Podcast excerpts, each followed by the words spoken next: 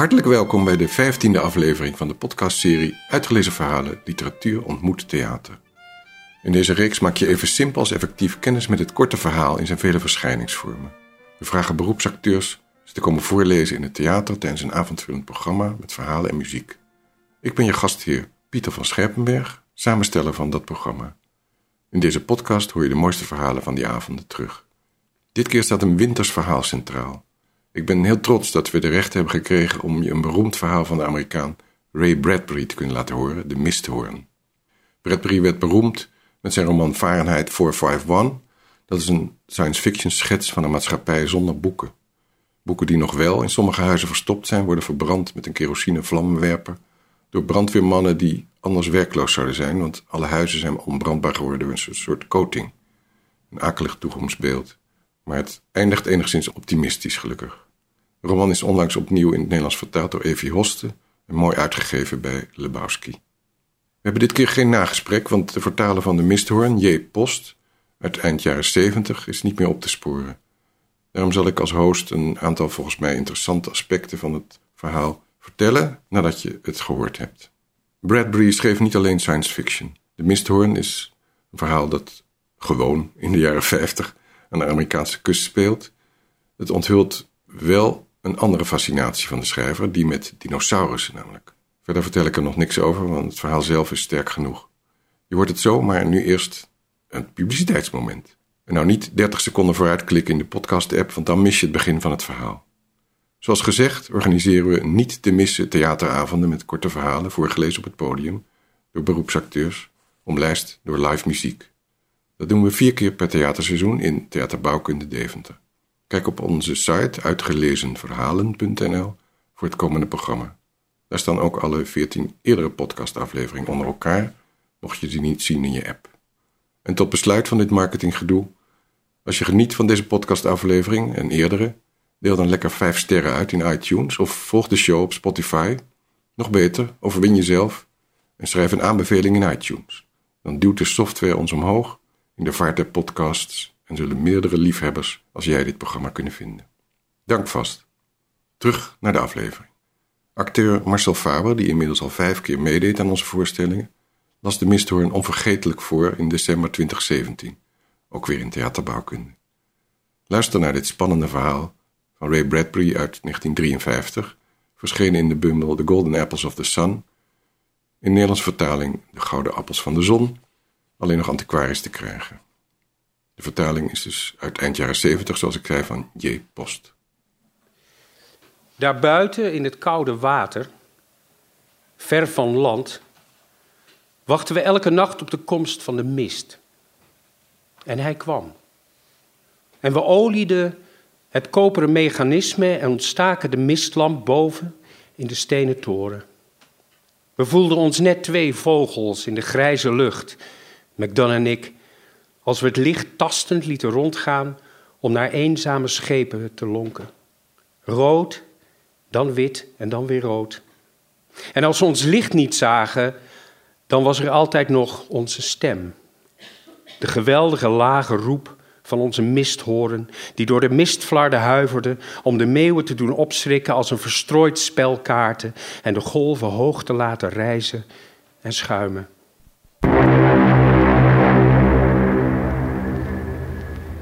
Het is een eenzaam bestaan, maar je bent er nu aan gewend. Is het niet? vroeg McDunn. Ja, ja, zei ik. Goddank ben jij een goede prater. Anyway, morgen is het jouw beurt om uh, te gaan stappen, zei McDunn glimlachend. En om met de dames te dansen en gin te drinken. Uh -huh. Waar denk je aan, McDunn, vroeg ik, als ik je hier buiten alleen achterlaat? Aan de geheimen van de zee. McDunn stak zijn pijp aan. Het was kwart over zeven op een koude novemberavond. De verwarming was aan, het licht zwaaide zijn staart in 200 richtingen en de misthoorn bromde in het hoge keelgat van de toren. Tot op een afstand van 150 kilometer langs de kust was geen stad te vinden. Alleen een weg met weinig auto's, die eenzaam door een doodse streek naar zee liep. Een strook van drie kilometer koud water en zeldzaam weinig schepen. De geheimen van de zee, zei McDunn bedachtzaam. Weet je dat de oceaan de grootste sneeuwvlok aller tijden is? Hij deint en zwelt in duizend gedaanten en kleuren. En geen twee zijn er eender. Dat is vreemd. Op een avond jaren geleden was ik alleen hier toen alle vissen van de zee daarbuiten aan de oppervlakte kwamen. Er was iets waardoor ze de baai binnenzwommen en bleven liggen. En ze leken te beven en omhoog te staren naar het torenlicht dat rood en wit en rood over hen heen ging, zodat ik hun koddige ogen kon zien. Het zweet brak me uit. Ze vormden net een grote pauwenstaart die daar buiten tot middernacht lag te bewegen. En toen, zonder een enkel geluid, glipten ze weg. Het hele miljoen was verdwenen. Op de een of andere manier denk ik dat ze al die kilometers aflegden om te aanbidden. Vreemd, maar stel je eens voor hoe die toren er voor hun uit moet zien. Zoals hij daar 30 meter boven het water staat. Het godlicht dat er van uitflitst. En de toren zelf die zich met de stem van een monster bekend maakt. Ze kwamen nooit terug, die vissen. Maar geloof jij niet dat zij een poosje dachten dat zij in de aanwezigheid waren? Ik rilde. Ik keek uit over het lange grijze zeegazon dat zich tot in niets en nergens uitstrekte. Oh, de zee zit vol. McDunn trok zenuwachtig aan zijn pijp terwijl hij met de ogen knipperde.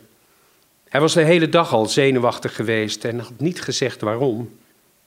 Door ondanks al onze machines en zogenaamde duikboten zal het 10.000 eeuwen gaan duren voor we de echte bodem van de verzonken ladder betreden, in de sprookjesrijke daar en echt angst kennen. Stel je eens voor, daar beneden is het nog steeds 300.000 jaar voor Christus. Terwijl wij in het rond paraderen met trompetten, inhakten op elkaars landen en hoofden, leefden zij 17 kilometer diep en koud onder de zeespiegel in een tijd zo oud als de staart van een komeet. Ja, ja, ja, het is een oude wereld. Kom mee, ik heb je iets bijzonders te vertellen, iets dat ik tot nu toe heb verzwegen. Al pratend en op ons gemak liepen we de tachtig treden op. Boven knikte met het licht aan in het vertrek, zodat niets door het spiegelglas weerkaatst zou worden. Het grote oog van de lamp snorde terwijl hij soepel ronddraaide in zijn geoliede houder. En de misthoorn blies met regelmaat. Elke vijftien seconden eenmaal. Klinkt als een dier, vind je niet? McDunn knikte bij zichzelf. Een groot eenzaam dier dat huilt in de nacht. Dat hier op de grens van 10 miljard jaren de diepte uitdaagt. Hier ben ik, hier ben ik, hier ben ik. En de zee geeft antwoord. Ja, dat doet ze. Jij bent hier nu drie maanden, Johnny, dus ik kan je maar beter voorbereiden. Omstreeks deze tijd van het jaar, zei hij, terwijl hij de duisternis en de mist bestudeerde, komt iets de vuurtoren bezoeken. Die scholen vis waar je het over had? Nee, nee, nee, nee, dit is iets anders. Ik heb steeds uitgesteld het je te vertellen, omdat je zou kunnen denken dat ik gek was. Maar vanavond kan ik het niet langer uitstellen, want als de aantekening van vorig jaar op mijn kalender juist is, is vannacht de nacht dat het komt. Ik zal niet in details treden, je moet het zelf maar bekijken. Ga hier gewoon zitten. als je wilt kun je morgen je duffel pakken en met de boot, motorboot naar de wal gaan en je auto ophalen die daar geparkeerd staat op de aanlegstijger op de Kaap en terugrijden naar een of ander stadje landinwaarts en jezelf nachten achtereen bezuipen. Ik zal je er niet op aankijken of vragen stellen. Het is nu al drie jaar gebeurd en dit is de enige keer dat iemand hier bij me is om het verschijnsel naar waarheid te toetsen. Wacht maar en kijk. Een half uur waarin we slechts fluisterend enkele woorden wisselden, verstreek. Toen we het wachten moe werden, zette McDunn een aantal van zijn denkbeelden voor me uiteen. Hij had wat theorieën over de misthoorn zelf. Vele jaren geleden liep op een dag een man langs en stond in het geluid van de oceaan op een koude, zonloze kust en zei: Wij hebben een stem nodig die uitroept over het water, om de schepen te waarschuwen. En ik zal er een maken. Ik zal een stem maken als alle tijden en nevels die ooit zijn geweest. Ik zal een stem maken die gelijk is aan een leeg bed naast je de hele nacht en als bomen zonder bladeren in de herfst. Een geluid als van vogels die roepend zuidwaarts vliegen.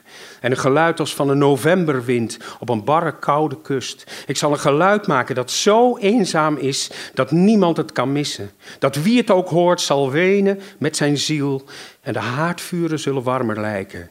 En binnen zijn zal aangenamer schijnen voor ieder die haar in de afgelegen steden hoort. Ik zal een geluid en een apparaat maken en zij zullen het de misthoren noemen. En wie haar ook hoort, zal zich bewust worden van de droefheid van de eeuwigheid en de vluchtigheid van het leven. En de misthoorn blies. Nou ja, ik heb dat verhaal verzonnen, zei McDunn rustig, om te verklaren waarom dit ding elk jaar terug blijft komen naar de vuurtoren. De misthoorn roept het, denk ik, en het komt.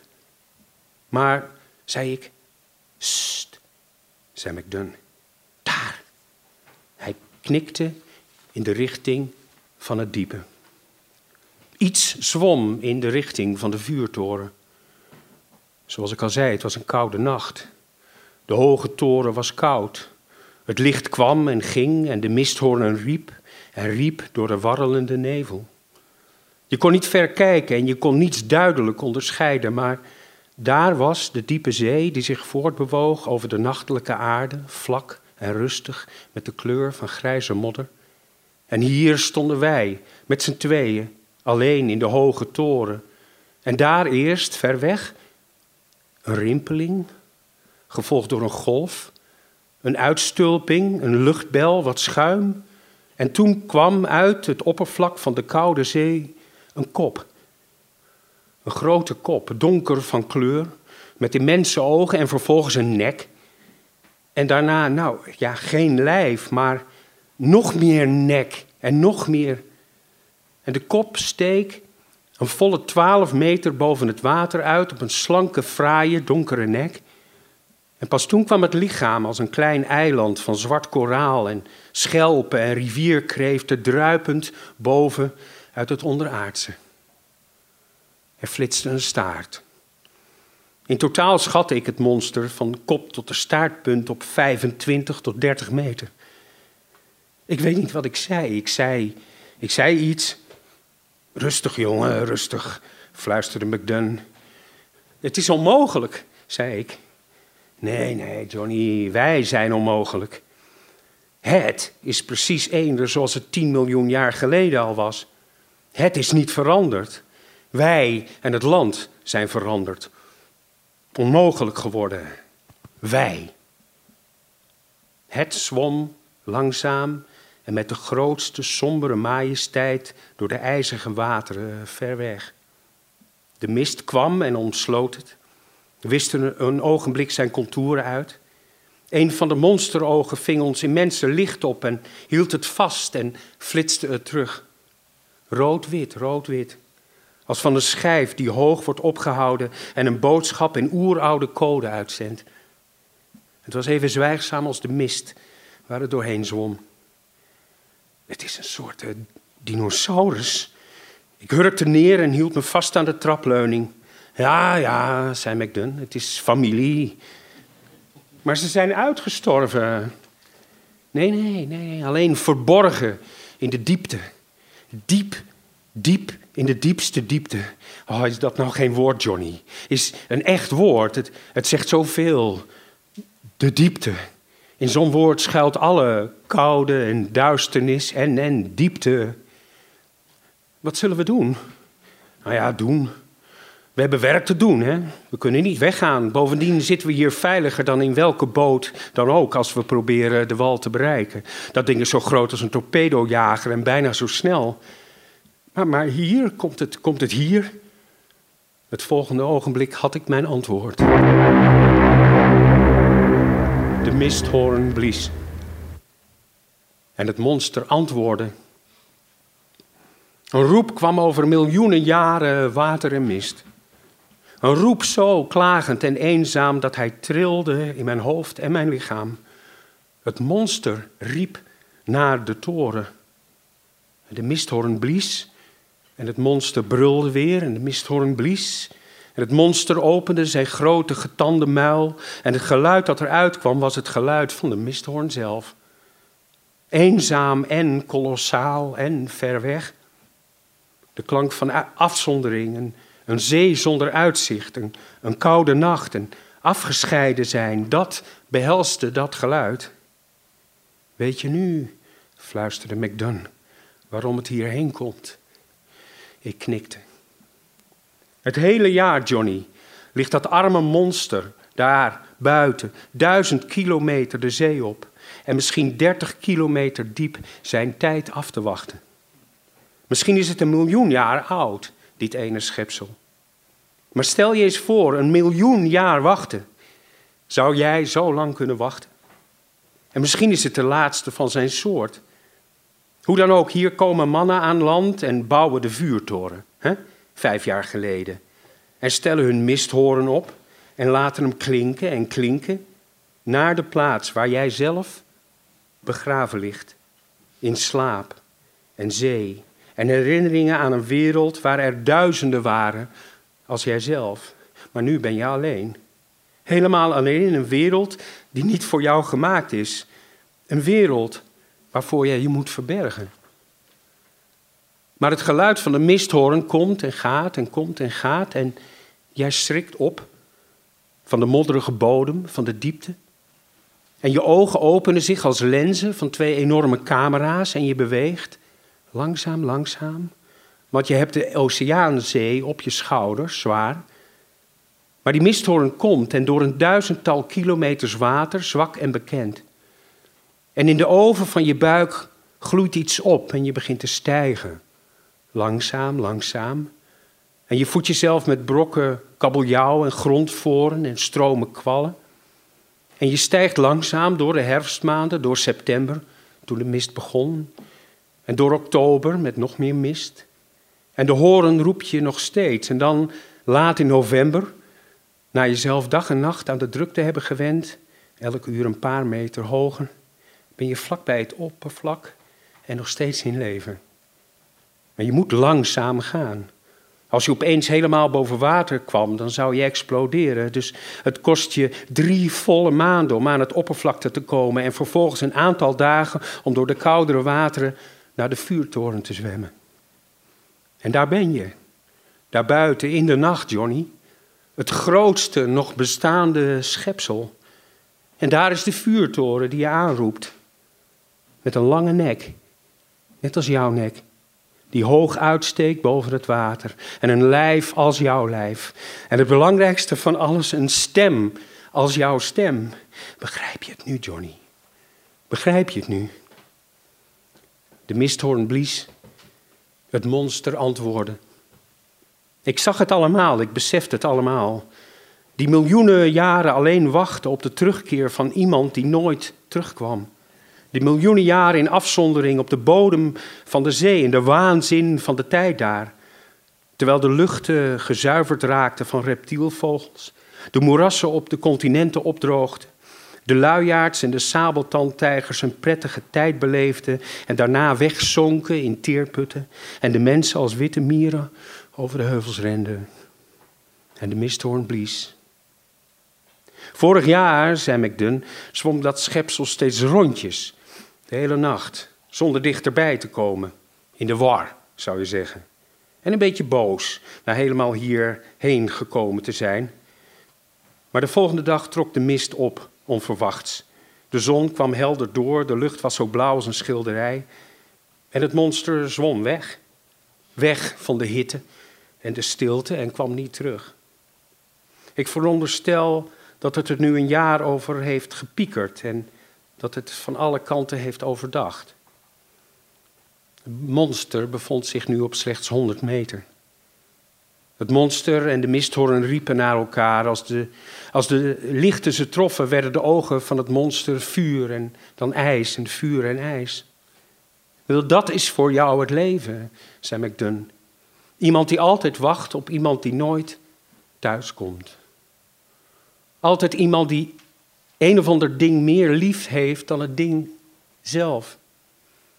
En na een poosje wil je dat ding vernielen, wat het ook mag zijn, zodat het je niet meer kan kwetsen. En het monster stormde op de vuurtoren af.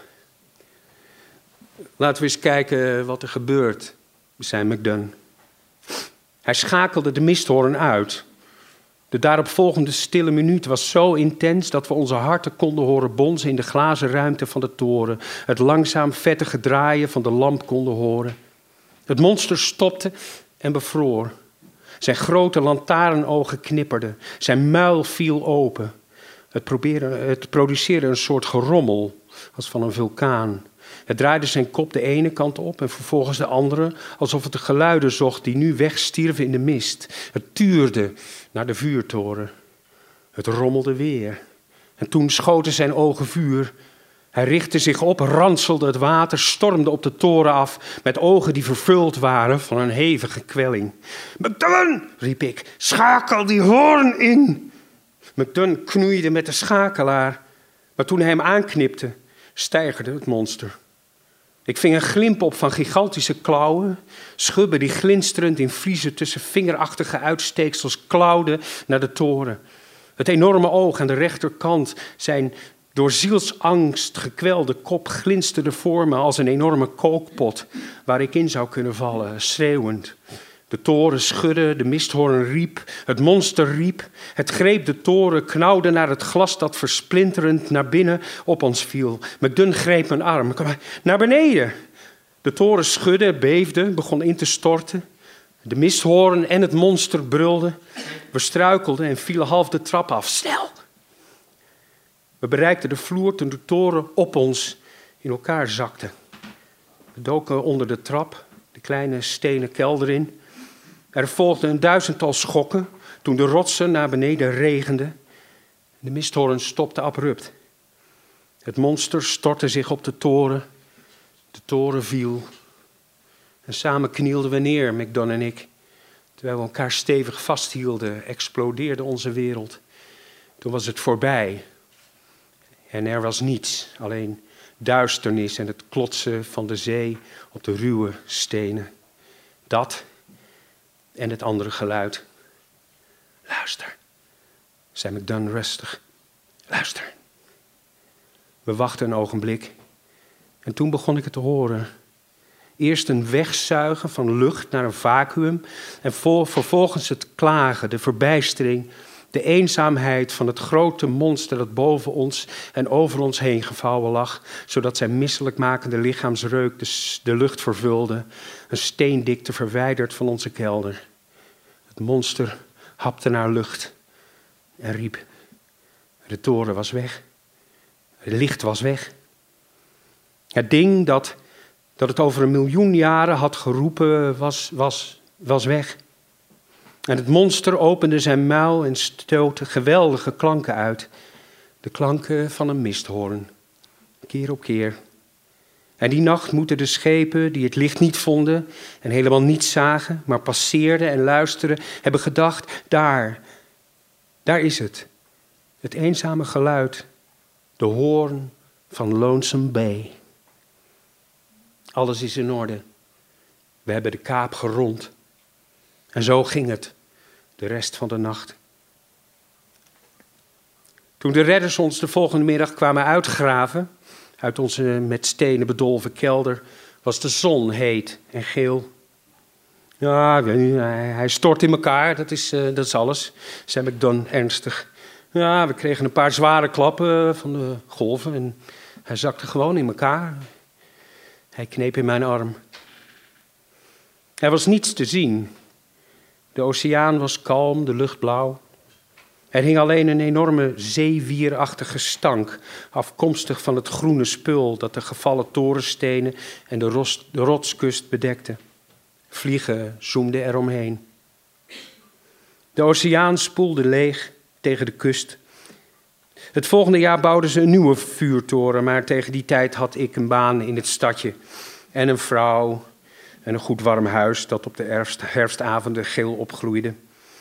Als de deuren gesloten waren en de schoorsteen rook uitpufte. Wat McDunn betreft, hij werd baas van de nieuwe vuurtoren die naar zijn eigen ontwerp gebouwd was. Van met staal versterkt beton. Voor het geval, zei hij. De nieuwe toren was in november klaar. Ik reed er op een avond laat alleen heen, parkeerde mijn auto en keek over de grijze wateren en luisterde naar de nieuwe horen die 1, 2, 3, 4 maal per minuut weer klonk uit zichzelf. En het monster, het kwam nooit terug. Het is weggegaan, uh, zei McDunn. Het is teruggekeerd naar de diepte. Hij heeft geleerd dat je iets in deze wereld niet te veel kunt liefhebben. Het is naar de diepste diepte gegaan om nog eens een miljoen jaar te wachten. Ach, die arme donder. Daarbuiten wachten en wachten, terwijl de mens op deze armzalige kleine planeet komt en gaat. En wachten en wachten. Ik zat in mijn auto en luisterde. Ik kon de vuurtoren niet zien, evenmin als het licht dat uitstak boven Lonesome Bay. Ik kon alleen de hoorn beluisteren. De hoorn, de hoorn, de hoorn. Het klonk als het roepend monster. Ik zat daar en wenste dat er iets was, dat ik er iets over kon zeggen.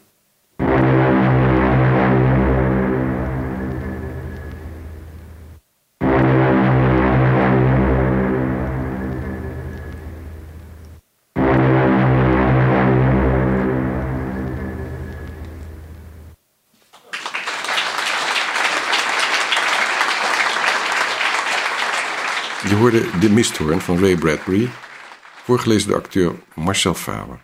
Het geluidseffect, die triest klinkende misthoorn, was zijn idee. En je merkt dat het werkt. Ik hoorde er ook een oerroep van een voorwereldelijk dier in. De kiem van het verhaal is al gelegd in 1926, toen Ray Bradbury als zesjarige regelmatig in de Universiteit van Arizona in Tucson binnenwandelde, als, als jongetje dus. Daar waren namelijk skeletten van dino's te zien en hij was gefascineerd. Dat binnenwandelen kon gewoon nog in die tijd, hoewel hij wel soms door boze conciërges werd weggestuurd. Later wist Bradbury nog te vertellen hoe het idee voor het verhaal is ontstaan. Op een avond in 1946 wandelde hij met zijn vrouw Maggie op het strand dicht bij hun appartement in Venice, Californië. De traditionele pier met kermisattracties was afgebroken. De mist kwam op en de afgebroken achtbaan die op zijn zij in zee lag, leek op een skelet waar de wind doorheen blies. Hij zei toen tegen Maggie: Ik ben benieuwd wat die dinosaurus daar op het strand aan het doen is. Een paar dagen later werd hij s'nachts wakker en hoorde een droevige toon van de misthoorn. Ik had mijn antwoord. De dino had het geluid van de misthoorn gehoord en dacht dat het een andere dino was, zwom naar de baai om erachter te komen dat het maar een vuurtoren was met misthoorn en stierf toen van een gebroken hart. Hierna schreef hij het verhaal dat je net hoorde in, in een paar dagen op dat was overigens in het begin van zijn schrijverschap ook zijn ritme, een verhaal per week. Nou ken ik het schrijversvak een beetje van afstand en een verhaal per week is snel. Overigens was de oorspronkelijke titel The Beast from 20.000 Fathoms en verscheen voor het eerst in de Saturday Evening Post in 1951. Het verhaal gaf hem ook toegang tot Hollywood. De grote regisseur John Huston, bekend van Chinatown en andere films, had het verhaal namelijk gelezen en nodigde Bradbury uit voor een gesprek in Hollywood's hotel. Wat heb je volgend jaar te doen, Ray? vroeg Houston. Niet veel, Mr. Houston, niet veel, antwoordde Bradbury. Zou je dan een tijdje bij mij in Ierland willen komen wonen en het scenario voor Moby Dick schrijven? Tjee, Mr. Houston. Ik ben bang dat ik dat verdomde boek nooit heb kunnen lezen. Na enig nadenken antwoordde Houston dan: Ik weet er wat op, Ray.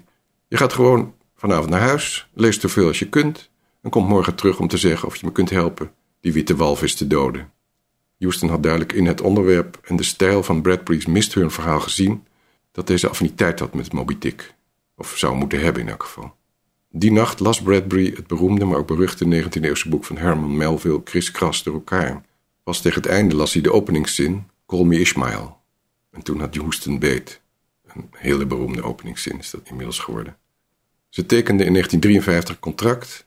De schrijver ontving er 12.500 dollar voor, plus 17 weken onderdak in een hotel in Dublin met zijn jonge gezin. Ik heb die film uit 1956 onlangs opgezocht en bekeken. Het is een meeslepend mannenverhaal. De walvisvaart inzichtelijk in beeld brengt, plus alle gevaren van dien. Special effects zijn wat knullig, maar ik denk dat het niet anders kon destijds. En het verhaal staat overeind. En of de witte walvis gedood wordt, daar geef ik geen spoiler van. Als je het boek hebt gelezen, weet je dat wel. Bradbury was in de eerste jaren van zijn schrijverschap gefrustreerd over het feit dat de grotere literatuur der realisten neerkeek op het genre science fiction. Hij heeft ook lang geprobeerd dat stigma af te schudden. Maar in een interview in 2010 met Sam Weller voor de Paris Review, dat was tegen het eind van zijn leven, hij overlijdt twee jaar later, zegt hij: Het is intellectueel snobisme van de critici, die mainstream heeft zitten suffen de afgelopen 50 jaar. Ze negeerden de grootste ontwikkelingen in de wetenschap, medicijnen, ontdekking van de ruimte, die onze soort echt vooruit helpen. Juist met science fiction kun je ideeën uitwerken. Je krijgt daar adrenaline van. Die ideeën ontstaan in je hoofd, bestaan nog niet, maar dat gaat wel gebeuren en dan verandert alles voor iedereen. Niets is meer hetzelfde.